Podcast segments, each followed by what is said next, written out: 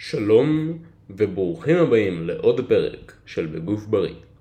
הפרק הזה זה החלק השני של הפרק הקודם, שבו אני מציין 100 דברים שהלוואי שידעתי כשהתחלתי להתאמן. בואו נחזור לזה מיד פנימה, בואו נתחיל.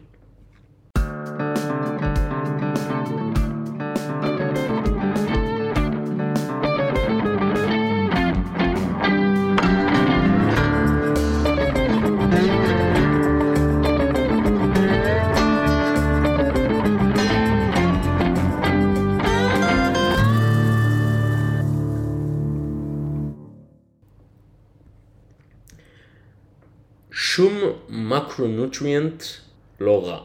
מקרונוטריאנט זה אב מזון, זה כמו חלבון פחמימה ושומן.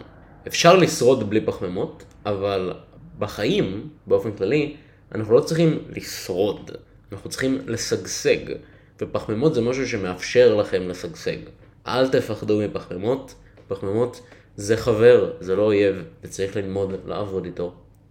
תהיו מאוד מודעים לגבי אנשים קיצוניים. בדרך כלל אנשים שהולכים באופן מאוד מאוד קיצוני או דרמטי לכיוון מסוים, זה אנשים שלא הייתי מקשיב להם. רוב הדברים לא פוגעים בגיינס שלכם, או בהתקדמות שלכם, עד שאתם צופים בסרטון שאומר שזה כן פוגע בגיינס שלכם. תבינו מזה מה שתבינו.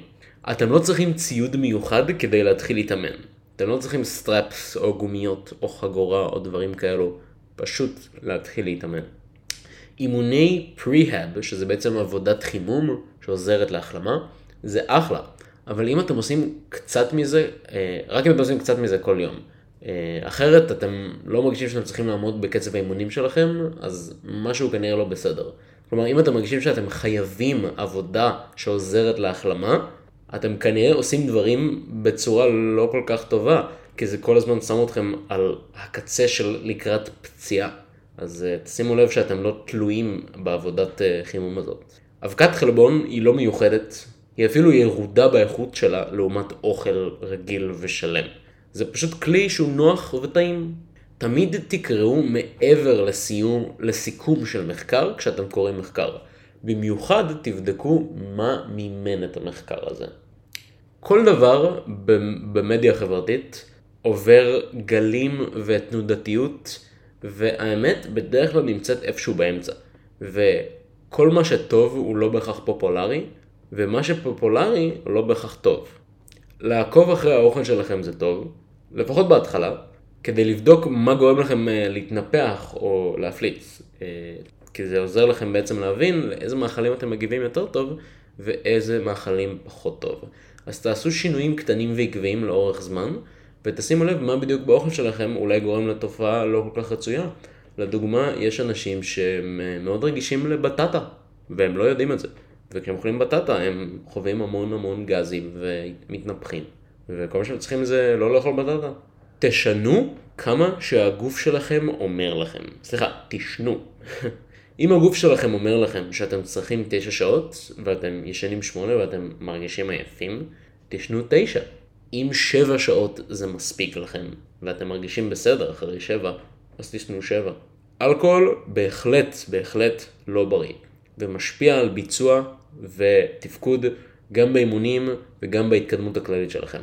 אבל אם אתם אוהבים אלכוהול ואתם לא מוכנים לוותר על זה, אתם עדיין יכולים לצרוך אלכוהול פה ושם. הכל בסדר במינון. תשתמשו בניסיון של אנשים אחרים אבל תבינו שהניסיון שלהם הוא לא בהכרח רלוונטי אליכם.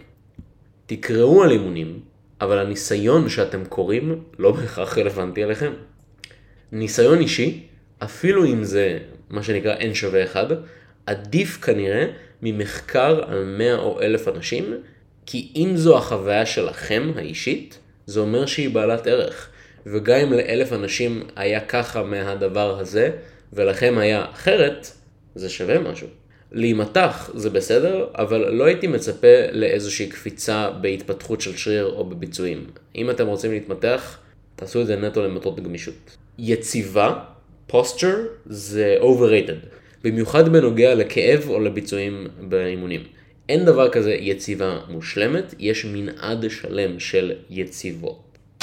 החימום הכי טוב זה פשוט לעשות את התרגיל שאתם עומדים לעשות עם משקל נמוך. תלמדו את, הכ... את ההבדל בין כאב לבין אי נוחות. אי נוחות זה יהיה כנראה שיא אישי, כאב זה כנראה יהיה מיון. אל תשוו את עצמכם לאחרים, אתם במסע משל עצמכם. אם אתם כן משווים את עצמכם לאחרים, תבינו שהרבה הולך ומשפיע על ביצועים ואיך שאתם נראים, מעבר רק לגנטיקה ואתיקת עבודה. אז קחו בחשבון שאתם המקרה האישי והאינדיבידואלי שלכם, ולהשוות את עצמכם לאחרים זה לא כל כך כדאי. אבל אתם כנראה לא פתית שלג מיוחד שצריך אימונים שונים מכל אחד אחר בעולם. אתם צריכים כנראה לעשות את מה שרוב האנשים עשו, אתם פשוט תתפתחו בצורה אחרת ותתקלו כנראה בקשיים אחרים. אפשר ללמוד משהו מכל אחד במכון, או מחוצה לו. אנשים יכולים להתאמן שונה מכם, אבל זה בסדר, יש, לכם, יש להם אולי יעדים אחרים או היסטוריית פציעות אחרת. אנשים הם שונים. יש יותר בחיים מאשר אימונים. כלומר, תתאמנו, תשקיעו בעצמכם, תאהבו את עצמכם, תעשו מה שמגיע לכם כדי לשפר את איכות החיים ולהפיק את המרב שיש להפיק מאימונים ומכושר ומתזונה בריאה, אבל תזכרו שגם יש עוד הרבה דברים אחרים בחיים ששווים את תשומת הלב שלכם. אז כמו בכל דבר, צריך איזון. אל תיקחו סטרואידים בחמשת השנים הראשונות שלכם, עדיף אפילו עשר. האמת, עדיף שאף פעם אל תיקחו סטרואידים, אבל אם אתם מאנשים שהחליטו שזה משהו שהם עומדים לעשות, תשקיעו לפחות עשר שנים באימונים טבעיים. תגיעו לאן שאתם באמת יכולים להגיע אליו. אם אתם כן מחליטים לקחת סטרואידים, תבינו שאתם פוגעים אקטיבית בבריאות שלכם בשביל משהו שלרוב האנשים במילא לא אכפת ממנו. אז אם זה משהו שלכם אכפת ממנו, סבבה, אני מבין, אם אתם חושבים שזה בשביל עצמכם. אבל אל תיקחו סטרואידים במחשבה שזה יעזור לכם עם בנות או משהו כזה, להיות פופולריים יותר. פליז, דונט, זה לא עובד ככה. אל תנסו להישאר חטובים כל הזמן. זמן שבו אתם חטובים מאוד, זה זמן שבו אתם כנראה לא ממש בונים שריר.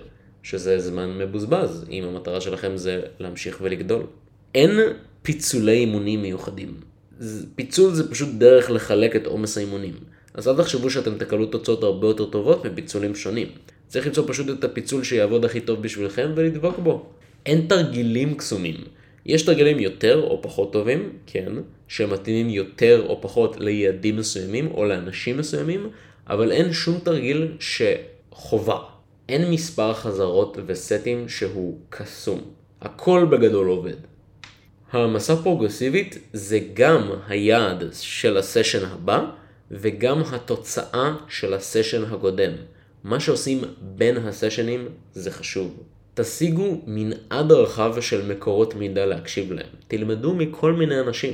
תהיו סקפטיים באופן כללי לגבי מה שכל מי, כל מי שאומר שזה מיוחד. אם זה נשמע טוב מדי בשביל להיות נכון, ובמיוחד אם זה דורש מכם לפתוח את הארנק שלכם. תיזהרו ממי שאומר שכולם טועים חוץ ממנו. הוא כנראה מנסה למכור לכם משהו. אם אתם צורכים תוכן מאנשים שלוקחים סטרואידים, קחו בחשבון, סליחה, קחו בחשבון שדברים פועלים קצת אחרת בשבילם. אבל עדיין יש להם הרבה מידע שהם יכולים להגיד שיכול להיות ממש ממש טוב. פשוט תיקחו בחשבון שהחוקים לא חלים עליהם בדיוק באותה צורה. לפעמים צריך לעשות את כמה שאתם יכולים. בפעמים אחרות, רק את מה שאתם צריכים לעשות. תציבו יעדים, ואז תציבו יעדים שתומכים ביעדים האלו. אם היעד לא תומך ביעד, הוא לא צריך להיות יעד. קחו מדידות של השרירים שלכם. זה יכול להיות נחמד לקבל את המידע הזה ולהשתמש בו, כדי לוודא שאתם אכן גדלים, כאשר יש שינויים שדי קשה לראות במראה או בתמונות. תסמכו על עצמכם. לרוב האינסטינקט הראשוני שלכם לגבי משהו צודק. יש לכם אינטואיציה. ואז אתם מרשים לעצמכם לזוז מהמסלול הזה על ידי צריכה מופרזת של תוכן, ואתם בעצם לא מקשיבים לאותה אינטואיציה שהופיעה ברגע הראשון. רק כי משהו קשה לא אומר שהוא אפקטיבי. משהו יכול להיות מאוד מאתגר, אבל הוא בעצם לא עוזר לכם להגיע ליד שלכם. רק כי משהו מורכב לא אומר שהוא אפקטיבי. מדע זו התחלה טובה בשביל למצוא את הנוסחה שעובדת לכם באימונים. ו- it's not just about להרים את המשקל, זה גם לגבי, זה גם איך עושים את זה. זה גם לא לגבי כמה סטים עושים, אלא איך עושים את הסטים. זמן תחת עומס זה די בולשיט, אבל זמן תחת קושי זה בהחלט דבר. תשוקה זה משהו שהוא נדרש, אבל זה לא מספיק. להרבה אנשים יש את היעד ויש את המוטיבציה להגיע ליעדים, אבל הם לא עושים את זה. צריך משמעת, צריך כנות עם עצמכם, צריך כנראה גם איזשהו כאב שרוצים לטפל בו. תהיו כנים עם עצמכם. זה הדבר הכי קשה, אבל זה גם הדבר הכי חשוב. ושוב, הכי קשה. השיחות הכי קשות אלה השיחות שאתם עושים עם עצמכם. ה Smith machine אה, זה בסדר גמור, אפשר לעשות איתה אחלה של תרגילים, וזה בסך הכל מכונה ממש טובה. אה, ופעם חשבתי שהיא גרועה, ואני לא חושב ככה יותר. תאזנו בין החשיבה שלכם והעשייה שלכם, ותפתחו את היכולת לשים לב אם אתם זזים יותר מדי לאחד הכיוונים. רק בגלל שעצה היא טובה באופן כללי, לא אומר שהיא טובה בשבילך. ורק בגלל שעצה היא רעה באופן כללי, לא אומר שהיא רעה בשבילך. יש עקומה מסוימת בתהליך הזה, ואתם צריכים להבין איפה אתם נמצאים על העקומה הזאת. ומספר 100 ואחרון, גנטיקה אכן משנה, אבל אל תמיתו מערככם. שום דבר לא נקבע מראש, אבל הרבה נקבע מראש על ידי מה שאתם מקבעים לעצמכם בתוך הראש. מקווה שלמדתם משהו חדש. אני הייתי אורי שוורץ, אתם האזנתם לבגוף בריא, ונתראה בפרק הבא.